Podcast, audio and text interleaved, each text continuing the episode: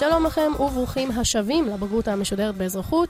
אני נעמי שלו, משרתת כאן בגל"צ. אני נטע, נעים מאוד. אז אנחנו ממשיכות בעצם בפרק השני שלנו, ובמה נעסוק בפרק שלנו היום? טוב, בפרק הזה נעסוק באחד העקרונות הדמוקרטיים שלא דיברנו עליהם בפעם הקודמת, כי כל פעם כשרוצים איזושהי התייחסות לפרק הזכויות, שואלים באופן מפורש איזה זכות באה לידי ביטוי ולא איזה עיקרון דמוקרטי. ולכן אנחנו מדברים כאן על פרק של זכויות.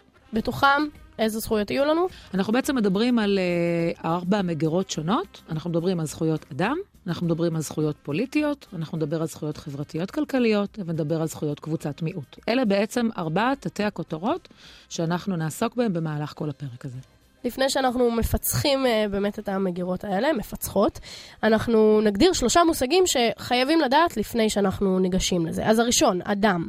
טוב, אז אדם זה בעצם uh, המוקד שעומד uh, במרכז המדינה הדמוקרטית. אנחנו uh, מדברים על אדם שהוא בעל כבוד, שהוא בעצם הופך להיות, uh, יחד עם עוד uh, אנשים במדינה הדמוקרטית, מקור הסמכות, הריבון והשליט, שבעצם כל השיטה הדמוקרטית, המדינה הדמוקרטית, קיימת עבורו. ההגדרה השנייה, אזרח. אזרח זה בעצם אה, ישות שנמצאת בתוך המסגרת, שהיא המסגרת המדינית. הוא אדם בעצם שיש לו אה, זכויות וחובות. חלק מהזכויות זה למשל הזכות לבחור ולהיבחר, יחד עם זה יש לו גם מערכת של חובות, והוא בעצם אמור להיות המרכיב של המדינה, של הישות הפוליטית שנקראת מדינה. וההגדרה השלישית שלנו בעצם נקשר בין הזכויות האלה לחובות האלה. אז גם לזכויות אדם וגם לזכויות פוליטיות, גם לזכויות אזרח, יש זכויות ולצידן גם חובות. אני רוצה רק לומר שאנחנו ככה ניכנס לזכויות ולחובות יותר מאוחר, אבל אין קשר בין זכויות לחובות. כלומר, אדם כשלעצמו הוא הגורם המרכזי במדינה הדמוקרטית, ולכן כששואלים את התלמידים האם יש קשר בין זכויות לחובות, התשובה היא לא. אדם ואזרח זכאי לזכויות שבחלקן הן זכויות טבעיות, ולכן אנחנו לא אה, מבקשים אה, את המילוי של החובות שלו על מנת להיות זכאי לקבל זכויות. בקיצור, שאלה מטעה, אם שואלים אתכם אם יש קשר, התשובה היא שפשוט אין. אז אה, יאללה, נראה לי שאנחנו יכולות לצאת לדרך, בואי נתחיל. טוב, אז נתחיל מהמגירה הראשונה בעצם, המרכזית של זכויות האדם. קודם כל נגדיר מהן זכויות אדם, כי זו בעצם הקטגוריה הראשונה שלנו. מדובר בתפיסה שבעצם נותנת זכויות יסוד לאדם. האדם הוא בעצם, הוא התכלית המרכזית, הוא הגורם שבעצם סביבו המדינה נבנית וקיימת. כאשר האדם, כמו שאמרתי, הוא בעל כבוד, נבנה בצלם, והמדינה חייבת לשמור על הזכויות הטבעיות שאיתנו נולד מעצם היותו אדם, כמו למשל זכויות uh, שונות שתכף נפרט, הזכות לחיים וביטחון, לקניין, לחירות, זה צריך להיות בתוך ההגדרה של זכויות טבעיות. הרעיון שעומד מאחורי זה, זה שמדינה בכלל קיימת בשביל בני האדם, ולכן כל רעיון או אידיאולוגיה או דבר שרוצים להנחיל בה חייב להיות בשביל האזרחים, בשביל בני האדם שחיים בתוכה. נכון. עכשיו אנחנו ניכנס בעצם לרשימה ארוכה מאוד של זכויות, כאשר ראשי התיבות שאנחנו יכולים לזכור אותם זה כוח החשק. אנחנו נתחיל עם הזכויות, אחר כך נפרט אותם ככה מבחינת ראשי התיבות שלהם, אבל אני רוצה להתחיל בעצם עם כף. זו בעצם הזכות לכבוד. הזכות לכבוד היא זכות שבנויה משלושה היצגים. אנחנו מדברים גם על העובדה שזכותו של כל אדם אה, לא להיות נתון ליחס משפיל, מעליב ומבזה. המאפיין השני של הזכות לכבוד זה הזכות לפרטיות, כלומר זכותו של אדם לחיות ללא חשיפה, התערבות וחדירה לחייו. והמאפיין השלישי של הזכות לכבוד, וצריך לזכור את שלושתם, זה בעצם הזכות לשם טוב. שזכותו של אדם שלא יפרסמו אודותיו אה, מידע שקרי, ובעצם יכפישו את השם שלו. אז דיברנו על הכף, עכשיו נדבר על חטא. החטא זה בעצם הזכות לחירות. הזכות לחירות היא זכות מאוד מאוד מגוונת, היא קיימת בזכות עצמה, אבל יש גם חירויות נוספות שתלמיד צריך לזכור. החירויות האלה הן זכויות בפני עצמן וצריך לזכור את כולן. הזכות לחירות היא בעצם הזכות של כל אדם לפעול אה, ולעצב את אה, חייו ואישיותו על פי רצונו. אסור לשלול ממנו את החירות הזאת על ידי מעצר או על ידי אה, איזושהי אה, הגבלה של חופש המחשבה והפעולה שלו. אדם צריך כמובן אה, לפעול אה, בתחומים שונים ולבטא את עצמו, כמו למשל חופש ביטוי, חופש מחשבה ומצפון, וישנם אה, חוקים מתוקף היותה של מדינה דמוקרטית, כמובן, שמגבילים את החירויות השונות של האדם. אז בעצם החירות הזאת מתבטאת בכמה דרכים שונות. היא מתבטאת בכמה דרכים שונות, ואנחנו נדבר כרגע על הביטויים שלה. אז הזכות הראשונה, מן הסתם, היא חופש ביטוי. זה אומר שלכל אדם יש אפשרות בעצם לבטא את דעותיו ועמדותיו בדרכים שונות, כמו למשל באמצעות תקשורת, באמצעות לבוש, באמצעות... באמצעות דיבור, בכתב, בפומבי ובגלוי. החירות השנייה שנדבר עליה היא בעצם חופש המחשבה והמצפון. לכל אדם, באשר הוא אדם, יש זכות להחזיק בכל דעה ומחשבה בכל נושא על פי הבחירה שלו. הוא יכול לפעול על פי המצפון שלו, או לא לעשות דברים שמנוגדים למצפון שלו. החירות השלישית היא בעצם חופש התנועה. אני מזכירה שכל אחת מהחירויות האלה היא זכות בפני עצמה. היא חירות, אבל היא זכות בפני עצמה. כלומר, יכולים לשאול אותי בציין, והציין יהיה ממש כל אחת מהן בנפרד. ישאלו אותי ציין איזו זכות, ותשובה אפשרית יכולה להיות למשל חופש התנועה שנעסוק בה כעת. חופש התנועה זה בעצם אה, זכות שאומרת שלכל אדם זכות לנוע כרצונו ממקום למקום, בתוך המדינה ומחוצה לה. אנחנו כמובן יודעים שהזכויות כולן הן זכויות מוגבלות, הן לא זכויות מוחלטות, כלומר, אדם, כמו שאנחנו יודעים, יכול לנוע לכל מקום שירצה, אבל הוא כמובן מוגבל, כמו כל הזכויות האחרות, הזכויות אינן מוחלטות, אלא זכויות אה, יחסיות ומוגבלות. אני עוברת לחופש העיסוק, לכל אדם זכות לעבוד בכל עבודה אה, ובכל מקצוע. כמובן שבכפוף לאיזושהי הכשרה ולרישוי שהוא צריך לקבל, אדם לא יכול לעבוד בכל מקצוע. אם אני רוצה להיות אה, מחר בבוקר פסיכולוגית, אני לא יכולה. אני צריכה לקבל רישיון לעסוק בתחום הזה. אני לא חופשייה לחלוטין מלעסוק באיזה מקצוע שאני רוצה. וגם אני... בעצם אני חייבת להיות או אזרחית או תושבת. בשביל זה אני לא יכולה להגיע יום אחד למדינה, ואפילו אם יש לי רישיון ממדינה אחרת, להגיד, אני רוצה עכשיו להיות פסיכולוגית. נכון. המעמד החוקי שלך במדינה חייב להיות מוסדר. אני רוצה לעבור לחירות הבאה, שהיא חופש הדת. לכל אדם הזכות להחזיק בכל אמונה, להשתייך לכל קבוצה דתית, לקיים כל טקס, מנהג או פולחן. אנחנו uh, עדים בזמן האחרון לאיזושהי uh, החלטה שבעצם uh, היא שנויה במחלוקת, כשאנחנו מדברים על חוק המואזין. שהמטרה היא להגביל את המואזין מלקרוא בקול גדול למאמינים שלו, האוכלוסייה הערבית במדינת ישראל יכולה להגיד, סליחה, זה פוגע לנו בחופש הדת, אנחנו במסגרת חופש הדת וההגדרה שדיברנו קודם, זה חלק מתוך המנהגים והפולחן והטקס הדתי שלנו, והמדינה מגבילה אותה. ואנחנו יודעים שבמדינת ישראל יש גם קבוצות אחרות שלא תמיד מקבלות באופן מוחלט את האפשרות לבטא את הדת שלהם. אנחנו יודעים שהדת במדינת ישראל הרשמית היא אורתודוקסית, ואם אני רוצה לקיים מנהגים ופולחן אחר, לא תמיד זה אפשרי מבחינת המדינה. ולכן חופש הדת במדינת ישראל מוגבל.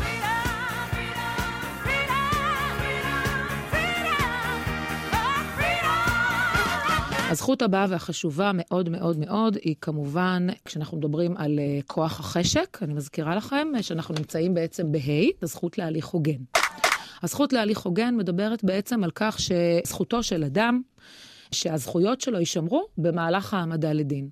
זה אומר שהתהליך הזה כשלעצמו, זה ברור לחלוטין, עלול לפגוע בזכויות האדם הבסיסיות שאיתן הוא נולד, כי אנחנו מספיק שאנחנו מנהלים איזושהי חקירה אחרי אדם, זה ברור לחלוטין שאנחנו יכולים לפגוע למשל בזכות לפרטיות או בזכות לכבוד במקרה שלנו.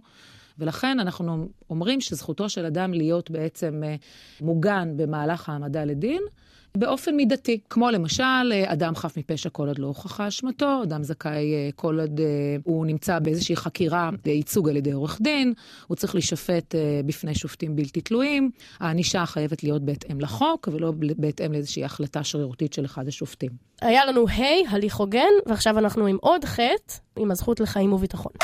נכון, אז uh, כמובן שזו זכות uh, בסיסית מאוד, uh, כשהיא לא מוגנת, uh, הזכויות האחרות וגם החירויות האחרות הן באמת uh, חסרות משמעות, ולכן uh, הזכות אומרת שאין לפגוע בחייו ובגופו של אדם, לאפשר לו כמובן uh, ביטחון אישי, וחובתה של המדינה להגן. על האזרחים, כדי שיחיו ללא חשש מפגיעה בחייהם, ביטחונם וגופם. כלומר, זו המטרה הראשונית של מדינה, שכולם יוכלו לחיות בשלום ובלי שיפגעו בהם. עכשיו אנחנו מדברים על הזכות לשוויון. כשאנחנו מדברים על הזכות לשוויון, זו כמובן זכות מאוד מאוד בסיסית, שמציינת שאין להפלות אדם בשל זהותו, שיוכו, או איזשהו סממן חיצוני או מגבלה כלשהי, וצריך כמובן לאפשר לאדם אה, להיות שווה. אה, ללא הבדל דת, גזע ומין. האנשים כולם צריכים להיות אה, שווים בפני החוק. השוויון הוא שוויון פוליטי, זה אומר שלא משנה מאיפה אני מגיע, אני חייב להיות שווה באופן שבו החוק מתייחס אליי. אבל אנחנו יודעים שבמדינה דמוקרטית הדברים הם לא תמיד uh, כאלה. ועכשיו אנחנו בעצם נציין כותרת שקוראים לה סוג מדיניות שנמצאת בתוך הזכות לשוויון. כלומר, אמרנו שכל בני אדם בעצם נולדו שווים וחייבים לקבל יחס uh, שווה מהמדינה ואין להפלות אותם. כן, אנחנו מכירים שזה לא תמיד המצב, כלומר, אין מה לעשות, אם אני נולדתי עם uh, סכום X בחשבון הבנק וילד אחר במדינה נולד עם מינוס X בחשבון הבנק של ההורים שלו, אז uh, אנחנו לא שווים. נכון, ההזדמנות היא שווה, אבל החוק חייב, לא משנה כמה uh, חשבון הבנק של ההורים שלנו, המדינה עדיין חייבת לתת לנו יחס שהוא יחס שווה. בפועל אנחנו יודעים שישנה אפליה פסולה. אפליה פסולה זה מצב שבו המדינה, אנחנו מדברים על מדיניות, בעצם uh, מפלה קבוצות אוכלוסייה או אנשים, כשהיא מעניקה להם יחס שונה, כאשר הוא לא רלוונטי לעניין. כאשר אזרח יהודי ואזרח ערבי מנסים להתקבל למקום עבודה, אין שום סיבה להעדיף אזרח כזה על פני אזרח אחר, משום שכולם צריכים לקבל יחס שהוא יחס שווה, ללא הבדל דת, גזע ומין, ואין שום סיבה להבחין או לתת יחס אחר לאנשים כאשר העניין הוא לא רלוונטי לעבודה הספציפית שעליה מדובר. ואם יש מצב שבו נעשית אפליה פסולה, זה משהו שאני יכולה בתור בן אדם שהאפליה הזאת אה, נעשתה כלפיו, אני יכולה לבוא ולדרוש שוויון בפני החוק? כן, בגלל שזה לא רלוונטי ולא מוצדק, את בוודאי יכולה לבקש את זה, וזו בהחלט עבירה על החוק. אבל ישנם מצבים שבהם המדינה כמדינה נוקטת במדיניות שהיא מדיניות מבחינה בין אנשים, כלומר עדיין נותנת יחס שהוא יחס שונה. זה אומר, היא בעצם מעניקה יחס שהוא יחס שונה לבני אדם, כשהשונות בין האנשים היא בעצם רלוונטית ולכן מצדיקה מתן אה, יחס שהוא יחס אה, שונה. לדוגמה, בבית הספר שלי יש תלמידים שהם אה, תלמידים שהם לקויי למידה. הם אובחנו ככאלה וקיבלו אישור להארכת זמן. זה אומר שבעצם בית ספר מבחין אותם מתלמידים אחרים, נותן להם יחס שונה, בגלל שבאמת השוני ביניהם זה שלקויי הלמידה מתקשים להיבחן לעומת תלמידים אחרים. ולכן מוצדק ורלוונטי לתת לאותם תלמידים הארכת זמן. אבל אם אני למשל אה, בבית הספר שלי אגיד שרק התלמידים שיש להם הארכת זמן יכולים להתמודד למועצת תלמידים, אנחנו נבין שמדובר כאן באפליה פסולה, כי בעצם הדרישה הזאת היא לא רלוונטית, לא מוצדקת לטובת ההיבחרות למועצת התלמידים. המדיניות האחרונה שנדבר עליה, אני מזכירה שאנחנו עדיין בתוך הזכות לשוויון, זה אה, מדיניות של העדפה מתקנת.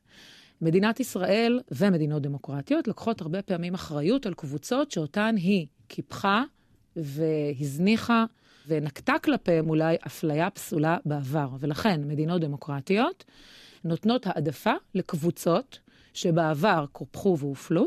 זה בדרך כלל למשך זמן מוגבל, עד שבסופו של דבר יצטמצמו הפערים, בסופו של דבר ייווצר שוויון. כלומר, בעצם מפלים קבוצה מסוימת לטובה על פני הרוב, נגיד, במדינה, אבל זה כדי ליצור מצב של שוויון, כי המצב לפני זה לא היה שוויוני. העדפה מתקנת בעצם יש לה קונוטציה חיובית של לקיחת אחריות של המדינה, ולכן אני לא הייתי משתמשת במושג מפלים קבוצה, כי בעצם אפליה היא פסולה. זו התנהגות לא רצויה שהמדינה לא צריכה לנקוט בה. ולכן זו לא אפליה, אלא העדפה. בדיוק, ולכן זאת העדפה בצורה של מתן uh, הטבות ותיקון המצב uh, שמדינת ישראל, uh, או כל מדינה דמוקרטית, נפלטה בעבר. ואנחנו uh, ממשיכים בעצם עם הקוף של כוח החשק. אז אנחנו נמצאים בזכות לקניין. הזכות לקניין אה, אומרת שלכל אדם אה, הזכות להחזיק ברכוש, בדבר שיש לו ערך כלכלי ולעשות בו כרצונו, כשבעצם אין לפגוע בקניינו של אדם, זה יכול להיות גם קניין חומרי, כלומר ממש קרקע, כן, דברים שהם ממש מוחשיים, או קניין רוחני שבעצם מדבר על זכויות יוצרים, על יצירה של אדם שאסור להשתמש בה ללא רשותו. כאשר אה, האדם הזה יוצר את היצירה הזאת והיא הופכת להיות הקניין שלו. אז בעצם דיברנו על uh, זכויות שהן זכויות טבעיות, זכויות אדם. דיברנו על זכויות שמוגדרות ככוח החשק, שבתוכן יש גם הרבה חירויות נוספות. סיימנו עם המגירה הראשונה. אוקיי, okay, אולי uh, ננסה לסכם רגע את זכויות האדם שלמדנו עליהם עכשיו, וכמובן להזכיר מה הטיפים שיכולים להיות בבחינה כדי לא לשכוח את זה ברגע האמת. אוקיי, okay, אז אני רוצה להפריד בין uh, הזכויות לבין החובות של האדם. צריך לזכור שיש זכויות אדם וחובות אדם. אני מבקשת uh, ככה לשים לב שאתם לא מתבלבלים כשאתם מנסים לענות על התשובה הזאת. זכויות זה כמובן כוח החשק, וחובה של אדם כאדם זה בעצם לא לפגוע בזכויות של אדם אחר. ולהגן על זכויות של אדם אחר. כדי לחדד טיפונת אה, את הדבר הזה ולתת קצת רקע להעשרה, אנחנו נשמע עכשיו 60 שניות על אה, אחד האנשים שהכי מסמלים את המושג של שוויון, מרטין לותר קינג. ב-1929 נולד מרטין לותר קינג לכומר בפטיסטי אפרו-אמריקני במדינת ג'ורג'יה בארצות הברית. הוא נקרא על שם מייסד הנצרות הפרוטסטנטית, הכומר הגרמני מרטין לותר, ולימים גם הוא הפך לשם המוכר בכל בית בזכות פועלו בתחום זכויות השחורים באמריקה. באוניברסיטה למד סוציולוגיה ותיאולוגיה, חקר דתות, ובהמשך התמנה לחומר במדינת אלבמה, גם היא בדרום ארצות הברית. בתקופת חייו ובאזור בו גר, ההבדלים בין זכויות השחורים ללבנים במדינה היו ניכרים ומשמעותיים, וכן נרשמו מקרי אלימות רבים נגד הקהילה האפרו-אמריקנית. מרטין לותר קינג הקדיש את חייו למאבק על השוויון. ב-1957 ייסד יחד עם כמרים נוספים את הוועידה למנהיגות נוצרית דרומית, ועמד בראשה עד מותו. הוועידה ארגנה צעדות והפגנות למען זכויות הצבעה לשחורים, ופעלה לביטול ההפרדה הגזעית. ב-1963 ארגן הפגנת ענק ובה נשא את אחד הנאומים המפורסמים בתולדות ההיסטוריה, יש לי חלום. הליכתו בדרך של מאבק ללא אלימות הביאה לזכייתו בפרס נובל לשלום שנה לאחר מכן. באפריל 1968 הגיע מרטין לותר קינג לטנסי כדי לתמוך בשביתת עובדים. שם נרצח בידי אדם שהתנגד לדעותיו בזמן שעמד במרפסת בבית המלון.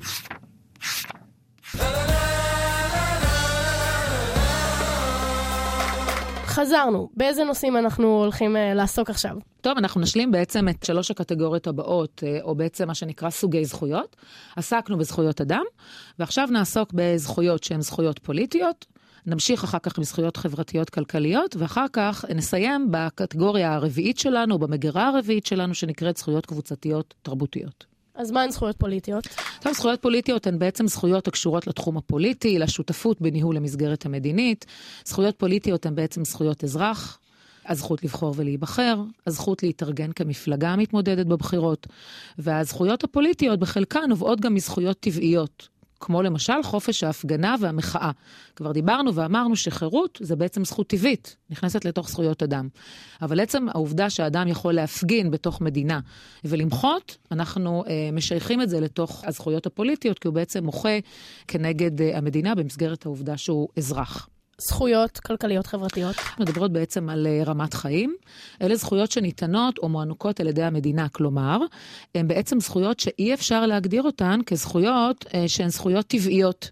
ישנו ויכוח בעניין הזה, אבל אה, בהגדרות שלנו הזכויות הטבעיות הן זכויות אדם, ובחלק מהזכויות הפוליטיות. זכויות חברתיות כלכליות לא מוגדרות כזכויות אדם, כי הן ניתנות על ידי המדינה במטרה להבטיח קיום בכבוד, קיום בסיסי. הזכויות האלה הן אה, זכויות שכוללות את הזכות לשירותי בריאות, לחינוך, לביטחון סוציאלי, לרמת חיים בסיסית, לדיור, ואנחנו עוד מעט נבחין את הזכות הנפרדת שנקראת זכויות עובדים ותנאי עבודה. אז בעצם הזכויות הכלכליות והחברתיות שונות לגמרי כאן בישראל ממה שהן יהיו בשוויץ, כי הן ניתנות על ידי המדינה, וכל מדינה מחליטה בפני עצמה מה היא רוצה כן או לא להעניק לאזרחים שלה. נכון מאוד, המדינות באמת אה, מובחנות בגישה החברתית-כלכלית שלהן, ותכף נדבר על זה, ממש כשנזכיר את זכויות עובדים ותנאי העסקה. זאת הזכות היחידה בעצם שנלמדת במסגרת זכויות כלכליות חברתיות, ויש ללמוד אותה. אלה זכויות שהמדינה בעצם מחייבת את המעסיקים להעניק לעובדים על פי חוק. היא דואגת לכך שלכל אדם יהיו תנאי עבודה בסיסיים והוגנים, כמו למשל שכר מינימום, הגבלת מספר שעות עבודה, הבטחת אה, שכר שווה לעובד ולעובדת. וכמו שאמרנו, ההיקף שלהם והאופי שלהם תלוי בעובדה שהמדינה נותנת אותן במידה רבה יותר או מצומצמת יותר במדינות השונות. וזה מביא אותי בעצם להגיד שמדינות דמוקרטיות, בחלקן, נוקטות בגישות שונות בנושאים החברתיים-כלכליים. ואני בעצם uh, עוברת לכותרת שנקראת uh, גישות חברתיות-כלכליות. המדינות הדמוקרטיות בחלקן מוגדרות כמדינות שיש להן גישה סוציאל-דמוקרטית או ליברלית. הגישה הסוציאל-דמוקרטית היא בעצם uh, גישה שבה המדינה מעניקה הרבה זכויות חברתיות-כלכליות לאזרחים שלה. ולכן היא uh, מאפשרת לאנשים שוויון חברתי-כלכלי. היא מבקשת לצמצם פערים, היא עושה את זה כשהיא בעצם מגלה אחריות כלפי אנשים שהם חלשים או מוחלשים, והמדינה מתערבת במידה רבה כדי לייצר איזושהי רשת ביטחון עבור האזרחים, כדי לאפשר להם קיום בסיסי. וזה בא לידי ביטוי בסבסוד של שירותים, הענקת שירותים חברתיים, חקיקה חברתית.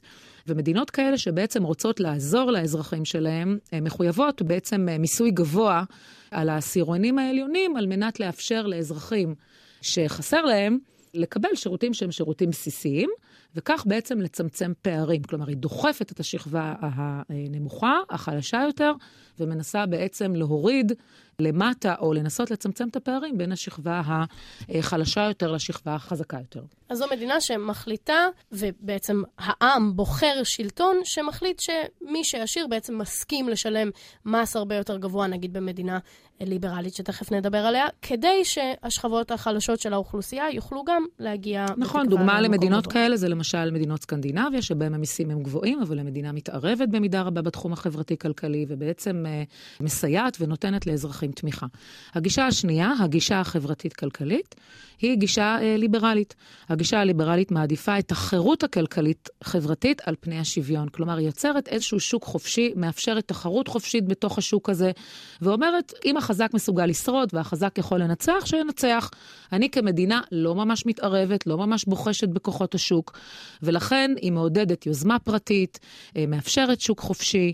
המעורבות, כמו שאמרתי, היא מינימלית, למשל באמצעות אה, קיצוץ בתקציבים, צמצום בקצבאות, והמדינה הזאת היא תומכת בצמצום המיסוי למינימום. ואומרת, כל אחד יתמודד על פי היכולת שלו, מי שמצליח, מצליח ומי שלא, לא. וכך המדינה בעצם, אה, מתוך אה, באמת שיקול אה, פוליטי, כלכלי, מחליטה שזאת הגישה שלה, וכך היא נוהגת כלפי האזרחים שלה. כלומר, החסידים של השיטה הזו יגידו, אנחנו נותנים לשוק להתפתח בלי הגבלות. זה הדבר שהכי יפתח את הכלכלה של המדינה שלנו, שכל אחד ינסה להיות הכי חזק והכי ווינר שהוא יכול. נכון, המדינה נותנת לשוק בעצם להתנהל על פי כוחות השוק. יש לנו עדיין זכויות קבוצתיות ותרבותיות לגעת בהן. נכון, הזכויות הקבוצתיות תרבותיות הן בעצם אה, זכויות שמאפשרות לקבוצות שיש להן איזשהו מאפיין ייחודי. קבוצות אתניות, קבוצות תרבותיות, מיעוטים לאומיים, הם בעצם אה, בעלי מאפיינים ייחודיים. יש להם שפה שונה, יש להם אה, זהות אחרת, יש להם תרבות אחרת, יש להם מורשת מיוחדת, ובעצם הם מבקשים מהמדינה הפוך משוויון, כלומר שוויון בתחומים פוליטיים, אבל בתחומים התרבותיים שלהם הם מבקשים באמת להיות מיוחדים. הם אומרים, אנחנו, יש לנו מאפיינים שהם מאפיינים ייחודיים לנו, אנחנו מבקשים שהמדינה תכבד את זה. כמו למשל, הכרה בשפת המיעוט כשפה רשמית. המיעוט במדינת ישראל, המיעוט הערבי, קיבל את הזכות הזאת. מדינת ישראל בהחלט אה, נענתה לבקשה הזאת, וממש עם הקמתה הכירה בשפה הערבית כשפה רשמית. מאפשרת למיעוט הערבי לבטא את התרבות שלו, את המורשת שלו, את השפה הערבית כשפה רשמית. היא מאפשרת הקמת בתי ספר שמדברים בשפה הערבית. היא מאפשרת חופש פולחן, ערבים שרוצים לקיים את הדת שלהם זכאים לעשות את זה בחסות המדינה. המדינה כמובן מאפשרת את זה, גם מבחינה חוקית, גם הקצה משאבים אל טובת העניין. זכויות קבוצתיות תרבותיות אלה זכויות שהדגש עליהן זה שמירת הייחודיות של קבוצות שונות במדינה. המדינה צריכה לאפשר את זה, כדי שיוכלו לבטא את השוני בינם לבין קבוצות הרוב. אפשר גם לתת את המיעוט החרדי כדוגמה כאן, שגם להם יש אה, מוסדות חינוך נפרדים, שהם באישור ובתקצוב המדינה. נכון. בואי ננסה לסכם אה, את הקטע הזה וללמוד איך לזכור את זה למבחן. טוב, אז אנחנו בעצם בנינו כאן שידה. לשידה הזאת בעצם יש ארבע מגירות. הכותרת שלהן הן זכויות אדם, זכויות פוליטיות, זכויות חברתיות כלכליות וזכויות אה, קבוצתיות תרבותיות. כאשר לכל אחת בתוך המגירה יש זכויות אחרות. מה שצריך לעשות זה באמת לארגן את זה באופן כזה שכאשר שואלים בבחינת הבגרות איזה סוג זכות באה לידי ביטוי, יש לנו רק ארבע אופציות שמניתי כרגע. כאשר מדברים על איזה זכות באה לידי ביטוי, אנחנו פותחים את המגירה הרלוונטית בהתאם לאירוע שלנו, ושם אנחנו בוחרים לעצמנו את הזכות שמדובר בה.